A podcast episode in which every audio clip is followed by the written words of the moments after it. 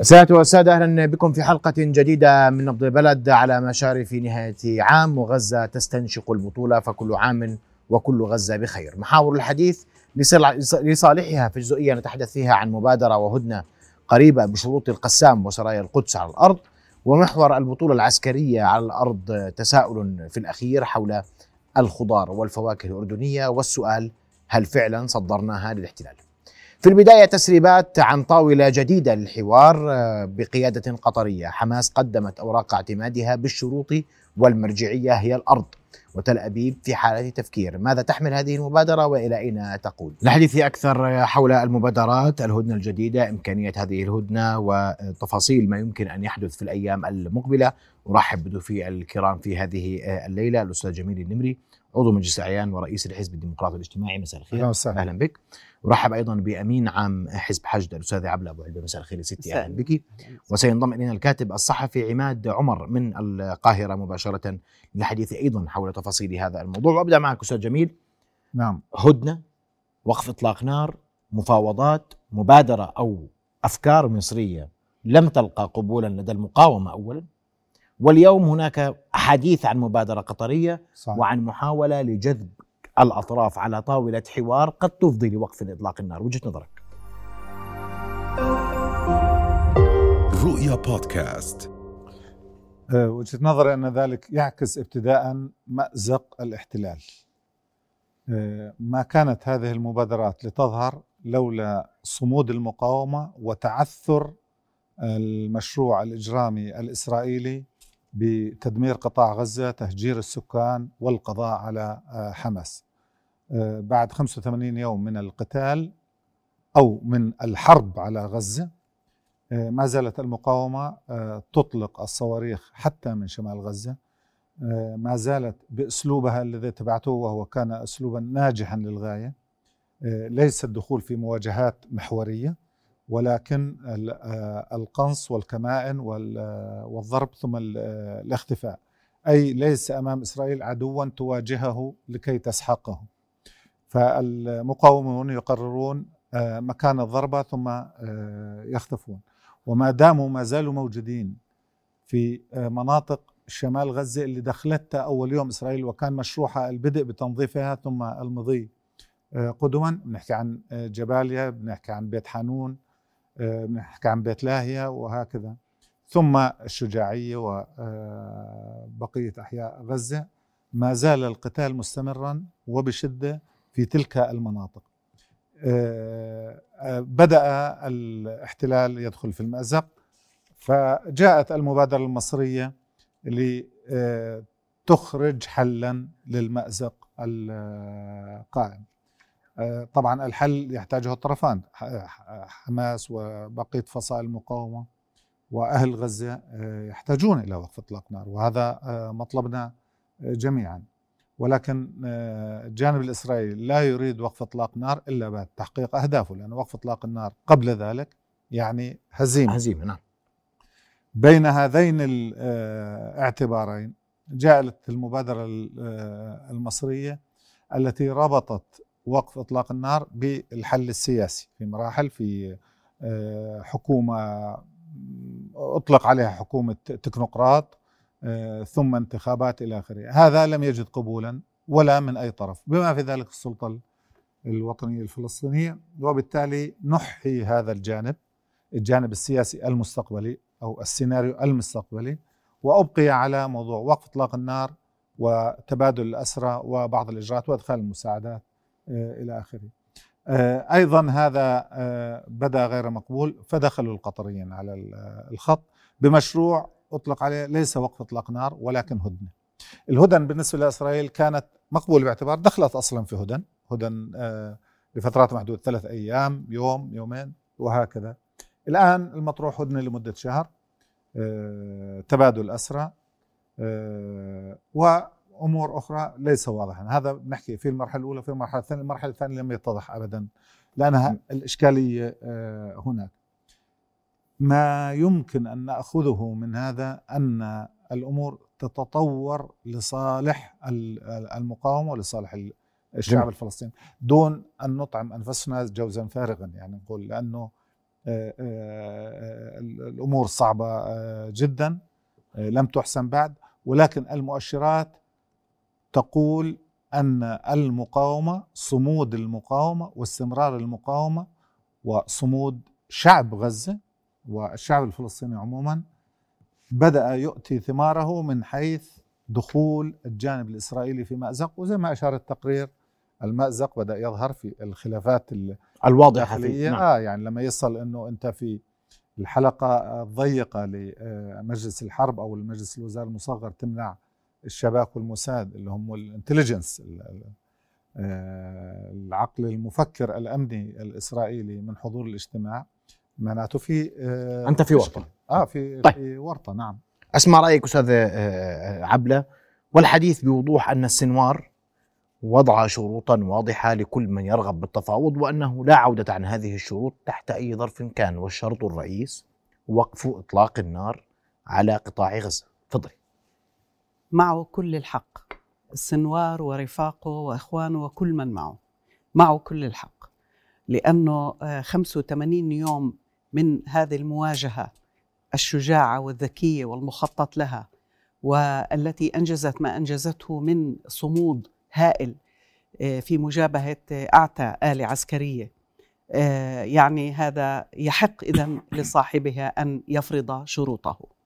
هذا هذا واحد. اثنين علينا أن نتذكر أن أولى المشاريع التي طرحت كانت بالمناسبة من قبل الإدارة الأمريكية.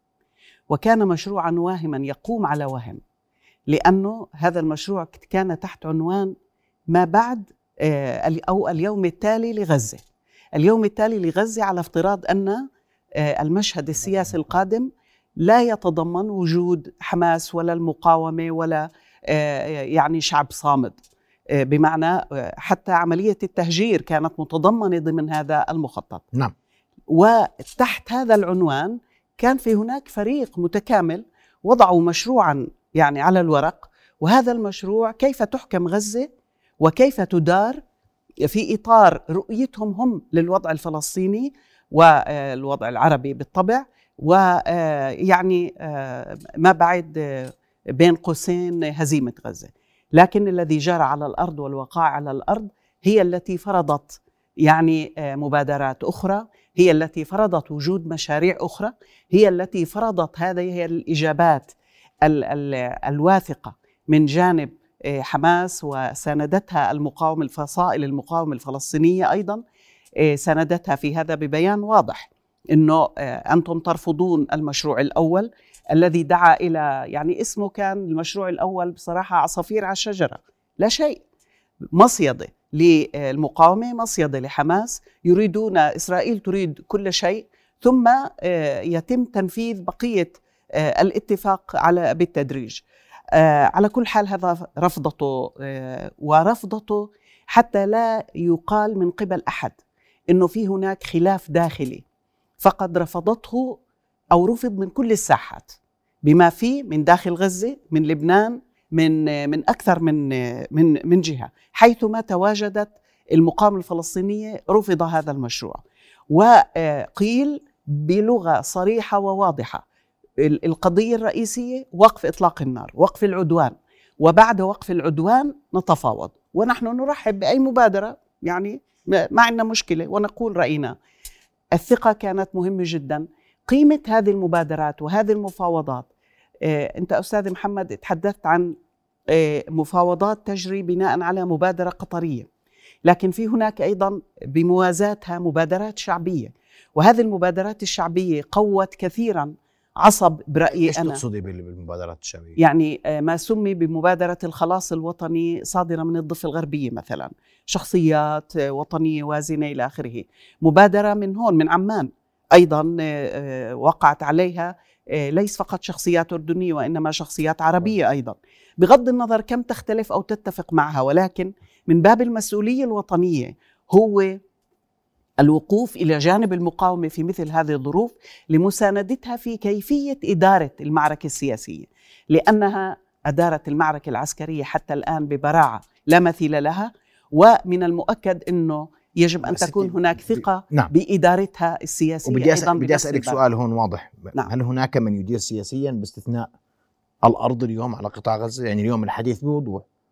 أن من يحكم المشهد هو يحيى السنوار ومحمد ضيفي عشان نكون واضحين إحنا بنحكي بصراحة. لا صحيح. وهم اللي بيقرروا من يفاوض وكيف يفاوض وعلى ماذا يفاوض وما مقبول المفاوضة تجاهه وما هو غير مقبول. بدي اسمع وجهه نظركم في هذا الإطار. اسمحوا لي لكن قبل ذلك أسمع رأي الاستاذ عماد عمر آه، الكاتب الصحفي معنا من مصر مباشرة.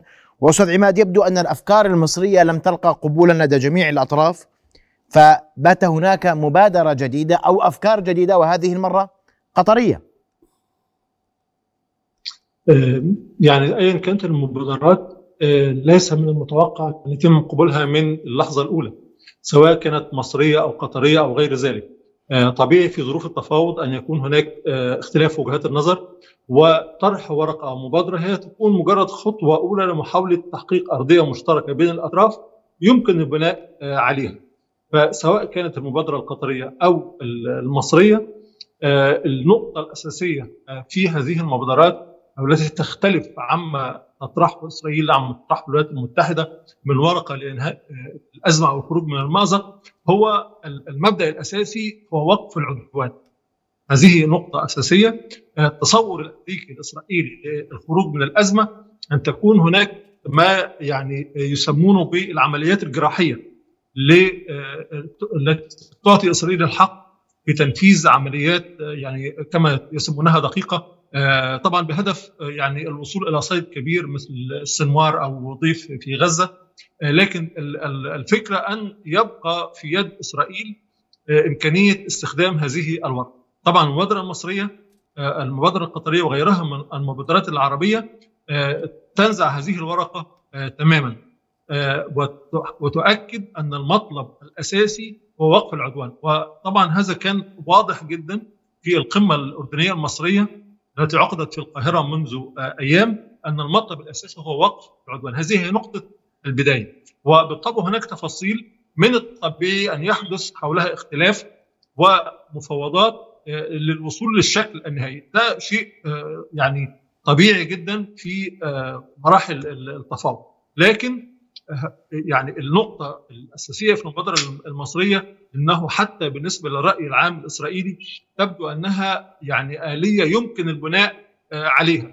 تقدم لحكومة نتنياهو ما يمكن البناء عليه للخروج من آه، المأزق الذي وضعت نفسها فيه والذي يعني صح التعبير وضعت العالم آه، كله فيه بهذا العدوان الغاشم على غزة. جريمة طبعا يعني ستبقى نقطة عار في تاريخ لا لكن أستاذ عماد اسمح لي أقاطعك.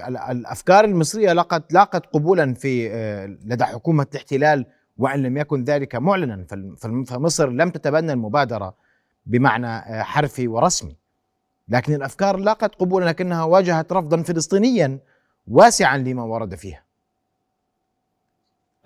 الرفض الفلسطيني آه، يعني ده شيء ليس غريبا.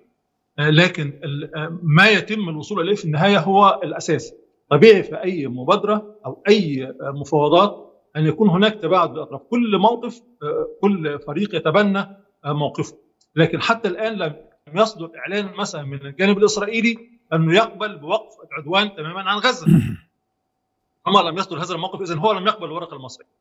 لكن هناك فرق يعني دي نقطة أساسية في الورقة المصرية انه نقطة البداية هي وقف العدوان. هذا يختلف البدايه البداية في المبادرة المصرية كانت هدنة لأسبوعين.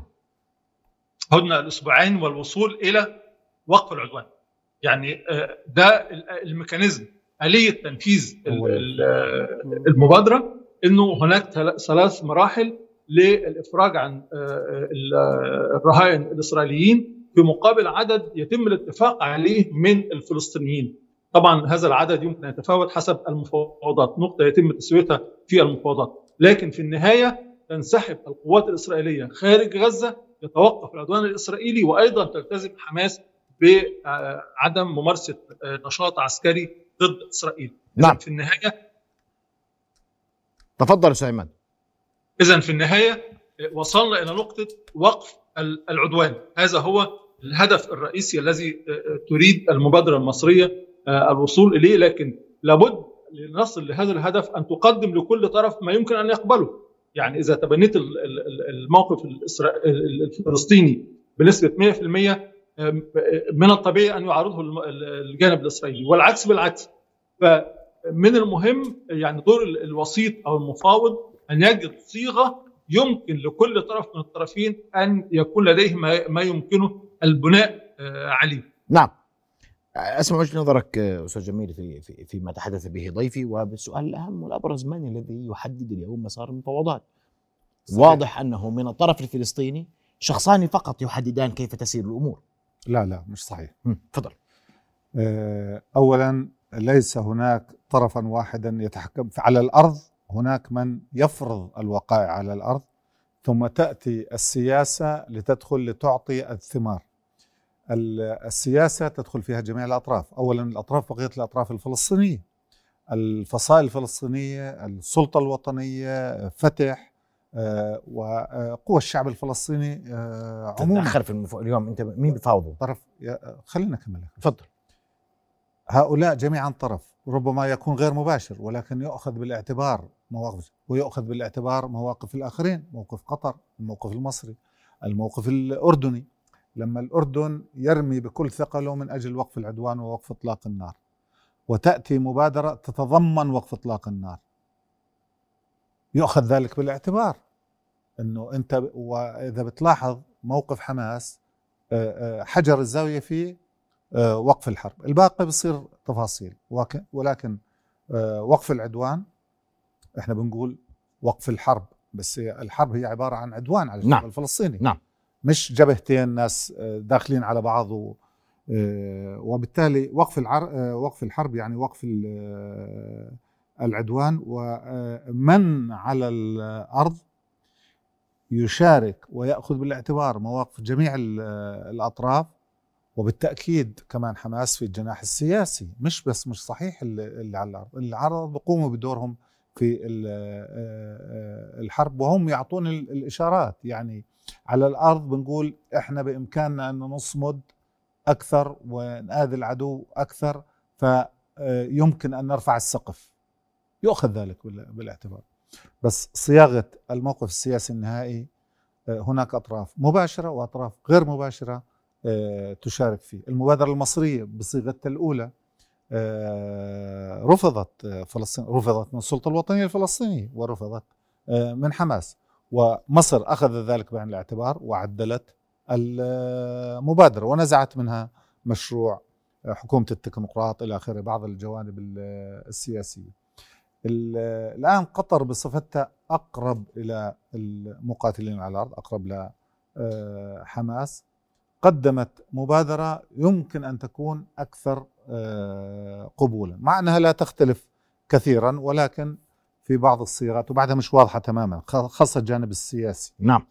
آه، ولذلك آه، إحنا اليوم بنحكي عن آه، صراع على الأرض ما زال دوره مقررا في شكل ال- المخرج.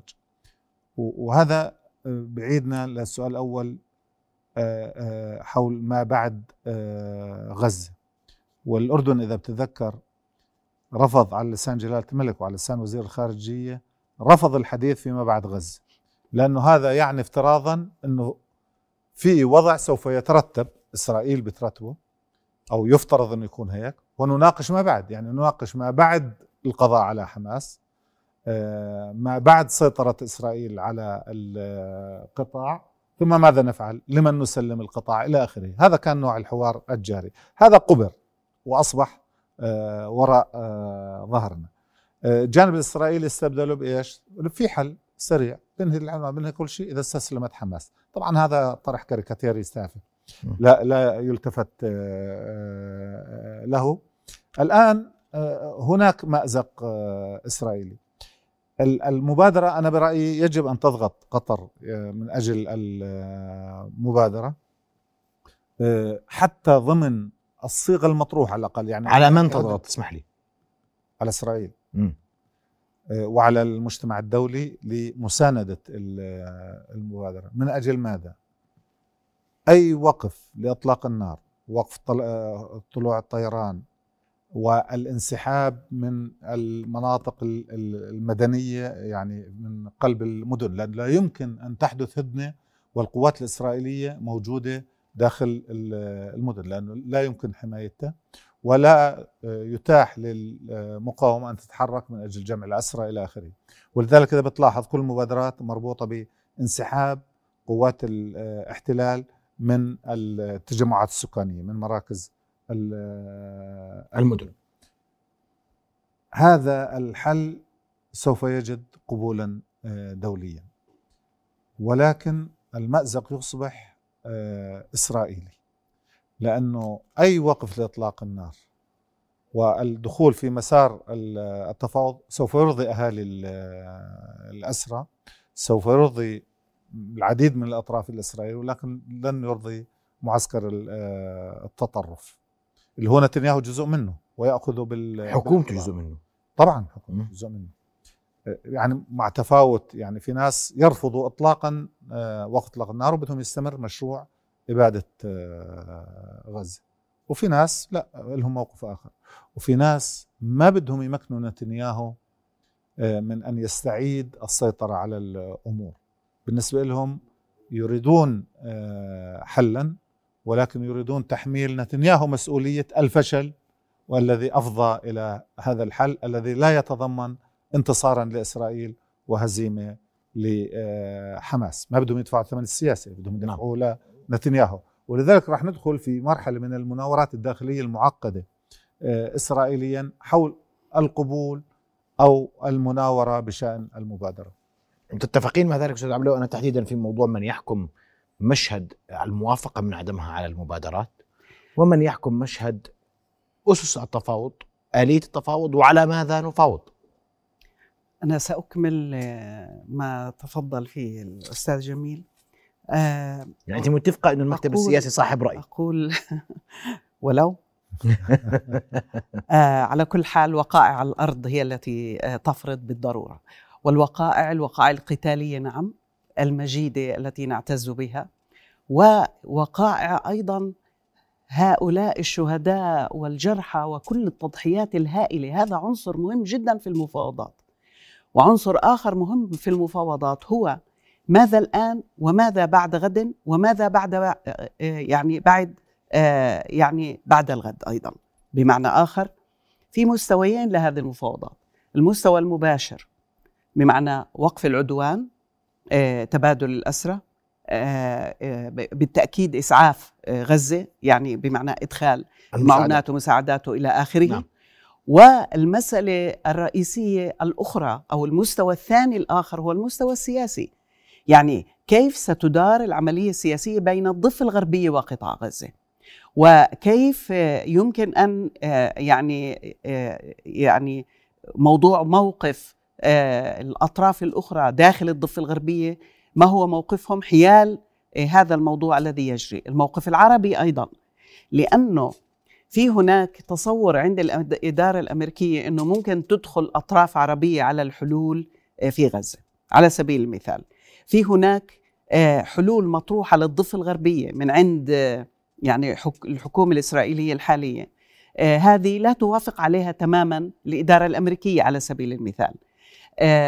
موضوع التهجير موضوع فصل الضفة عن غزة إلى آخره. هذا هو المستوى الثاني المعقد الذي هو بحاجة إلى آه، قوى وطنية فلسطينية موحدة موحدة الوحدة الوطنية الفلسطينية حوار وطني فلسطيني عميق. آه، آه، احترام بس ما تزعلي مني هذا مش عم يبين عليه حتى يبين ما بين ببينش اليوم مع 85 يوم حرب. مش عم يبين في الأفق إنه والله ممكن. نعم ولكن ولكن في هناك ضغوط هائلة على؟ داخلية على مين؟ على السلطة الفلسطينية من أجل على السلطة بالذات. من أجل أن تأخذ موقفا متقدما من أجل أن ترفض هذه المشاريع التي يمكن أن تقسم آه، أو أن تق- تقسم تقتسم الكعكة. فيما بعد يعني انتهاء الحرب آه، في هناك ضغوط كبيرة وضغوط ذاهبة باتجاه حلول وطنية فلسطينية يعني تأخذ بالاعتبار المصالح الوطنية الفلسطينية؟ نعم. يقبل فيها أبو مازن لا لا أنا ما يعني ما ما اليوم اليوم الوضع الوضع صعب في السلطة عشان نتفق. لا هي الأمور الأمور أعمق من هيك وأكبر من هيك. هناك من لا يريد أن يتحدث مع السلطة يريد أن يتحدث عن منظمه التحرير الفلسطينية الممثل الشرعي والوحيد. لتفتح هذه المنظمة لتدخل كل الم... كل ال... كل من له علاقة اليوم في المقاومة الجهاد وحماس تحديدا فليكونوا جزءا من المنظمة. طبعا طبعا وأن تصبح المنظمة حاضنة وطنية بعيدة عن السلطة في غزة وفي رام الله اللي عليها خلاف. بالمناسبة ما يجري الآن في الضفة الغربية ليس أقل خطورة ل- في المستقبل القريب مما يجري في غزة. م. يحضر للضفة الغربية الآن آه، يعني ما يلي يحضر لها آه، وضعوا بنية تحتية هذه الحكومة الحالية هاي وضعت بنية تحتية لتقسيمات إدارية داخل الضفة الغربية تعزل آه، مدن الضفة الغربية وقراها عن بعضها البعض ويفصل بينها مستوطنات وأمن إلى آخره ولا يكون للسلطة الفلسطينية أي دور في هذا الموضوع بل تكون هناك سلطات مدنية محلية تخص هذه المدن تخص هذه القرى ومرتبطة مع السلطات الأمنية الإسرائيلية مباشرة. هذا ما تخطط له حكومة الاحتلال. فأي سلطة؟ عن إيش بدها تدافع السلطة؟ عن شو؟ ولذلك هذه المخاطر الكبرى موجودة على مستقبل القضية الوطنية الفلسطينية وعلى مستقبل الضفة الغربية على مستقبل على مستقبل كل الأرض الفلسطينية. م. لهذا السبب هذا مرئي مش بف مش فقط إلنا مش فقط بنقرأه في التقارير وإنما هو مرئي أكثر ما يكون مرئيا هو عند الشعب الفلسطيني الذي. يعيش هذه الظروف نعم طيب. لهذا السبب هذا سيكون عنصرا مهما جدا في المستوى الآخر من المفاوضات التي ستجري ومن هي الهيئة الوطنية التي ستدير هذا هذه العملية السياسية تأخذ بعين الاعتب- الاعتبار وحدة الأرض وحدة الشعب هل هناك غير منظمة التحرير ممكن أن أن ويكون فيها أن يجب يجب أن؟ تستوعب يجب أن تستوعب يجب أن يكون هناك حماس والجهاد حماس والجهاد فصائل رئيسية مناضلة مقاومة. صحيح إنها يعني آه، نشأت في زمن محدد في سياق يعني حركة تحرر الوطن الفلسطيني لكن علينا أن ننظر أو عليهم أن ينظروا إلى الكل الفلسطيني. الكل الفلسطيني هو الذي يجب أن يقرر هذا وليس فئة واحدة بعينها. طيب. أستاذ عماد بدي أسمع وجهة نظرك وتحديدا الموقف المصري مما هو قادم. التهجير الموقف واضح رغم ضغوط يتم الحديث عنها على الجانب المصري. تحديدا لقبول بعض اللاجئين من غزة تسهيل مرور بعض اللاجئين من غزة إلى مناطق مصرية محددة آه، وهناك أيضا التساؤل الاهم عن الدور المصري القادم في في قطاع غزة إلى أين سيصل؟ آه، ده جزء طبعا آه، أستاذ محمد زي ما يعني ضيوف الكلام تفضلوا من السؤال الك- الكبير كيفيه الخروج من مأزق آه، مأزق غزة والسؤال كان مطروح حتى قبل بدء يعني آه، قبل أول أيام العدوان الإسرائيلي إنه كيف ستخرج آه، إسرائيل؟ لم تستطع إسرائيل تقديم إجابة على هذا السؤال في أي وقت وكذلك آه، يعني الداعم الأمريكي لم يتمكن من ذلك. آه، مسألة آه، يعني الوضع حاليا في غزة أصبح مأزق لكل طرف يريد آه، يعني أن يكون له آه، دور آه، إذا إذا تحركت يعني سنتيمتر واحد خارج آه، مربع وقف العدوان آه، على غزة ستصطدم بتعقيدات لا نهائية يعني آه، مسألة طبعا زي ما حضرتك تفضلتوا الورقة المصرية تم تعديلها آه، عن النسخة الأولى بخصوص حكومة التكنوقراط أو كيفية إدارة قطاع غزة. اذا هذه يعني مرحلة فيها الكثير من التفاصيل والتعقيدات ولا أعتقد إنه طرف آه، بعينه يملك أن يقدم رؤية متكاملة إلا من خلال الحوار مع كل الأطراف. آه، لابد أن يكون هناك آه، يعني وسيط له قنوات مفتوحة مع الطرفين له مصداقية بدرجة تسمح بالثقة فيما يطرحه وصياغة هذه الرؤى لكن ال- العملية ليست سهلة على الإطلاق يعني إذا تخيلنا على سبيل المثال انه يكون السلطة المسؤولة في في غزة هل بأي شكل ستكون؟ من هي الدولة التي ستقبل أن تدخل آه، غزة وهل إلى أي مدى ستكون علاقتها مع آه، مثلا مقاتلي حماس؟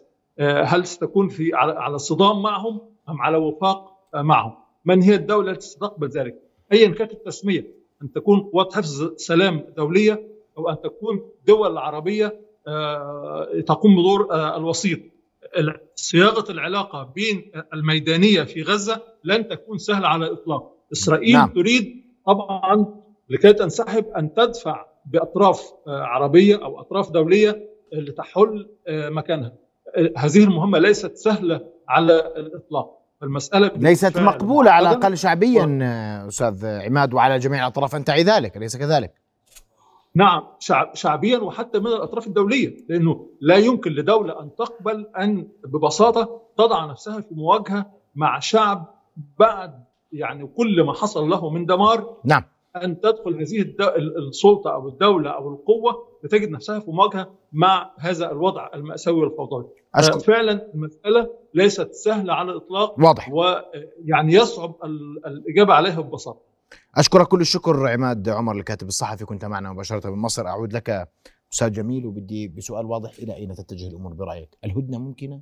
وقف إطلاق النار ممكن؟ الأطراف اليوم عشان أكون معك صريح مم. كان الحديث عن نهاية العام وصلنا لنهاية العام صح لم يجد جديد صح والاحتلال يصدر تصريحات يمنة ويسرى أن الحرب مستمرة ولا وقوف لشهور مم. أسمع وجهة المرحله نظر الثالثه لوين رايح نعم. ال- آه، آه، الأمور يعني كان هناك حديث أمريكا عن إعطاء حتى نهاية العام. ال- الإسرائيليين كانوا يحكوا لا بدها كمان شهرين أو شهر. آه، ثم آه، انتقل الحديث إلى المرحلة الثالثة. ما أطلق عليه المرحلة الثالثة.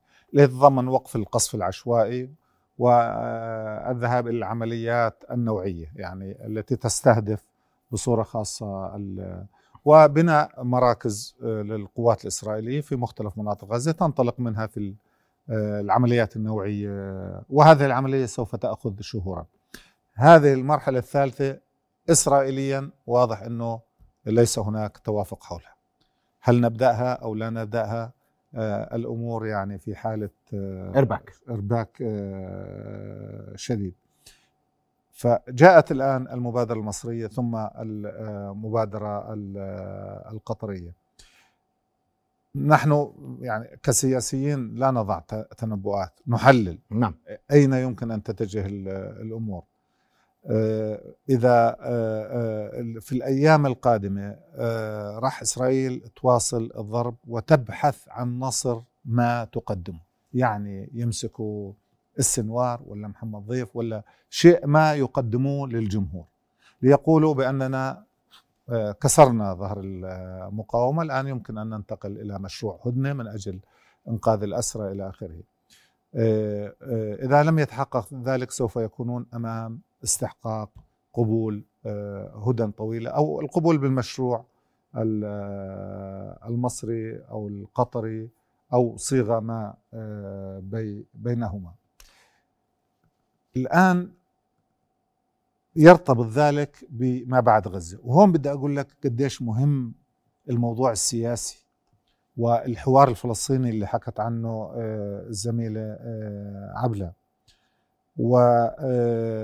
والتوافق السياسي الفلسطيني مهم جدا لأنه يطرح من سيحكم غزة بعد وقف إطلاق النار أكان يعني سحقوا حماس ما سحقوهاش على كل حال طبعا المجتمع الدولي متوافق إنه مش راح يرجعوا يسلموا على حماس لأنه مطرح ما آه، نبقى حيث آه، كنا من البداية. آه، بنحكى عن أطراف دولية، بنحكى عن السلطة الوطنية الفلسطينيه حكى أبو مازن. ال- الحكومة الفلسطينية قالت لن نأتي على ظهر دبابات الاحتلال، بيحكوا عن صيغة ما آه، دولية.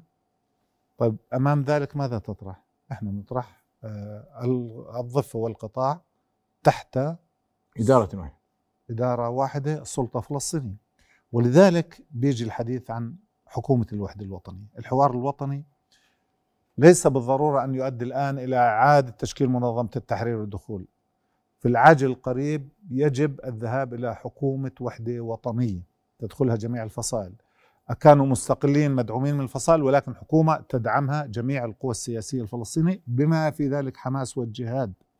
إضافة إلى فتح وبقية الفصائل. الفاعل عندما تكون هذه الحكومة موجودة لا أحد يستطيع أن يقول ماذا من يحكم غزة. يعني ال- ال- القوى الفلسطينية. آه ال- الفلسطينيون يحكمون أنفسهم. آه، أنفسهم.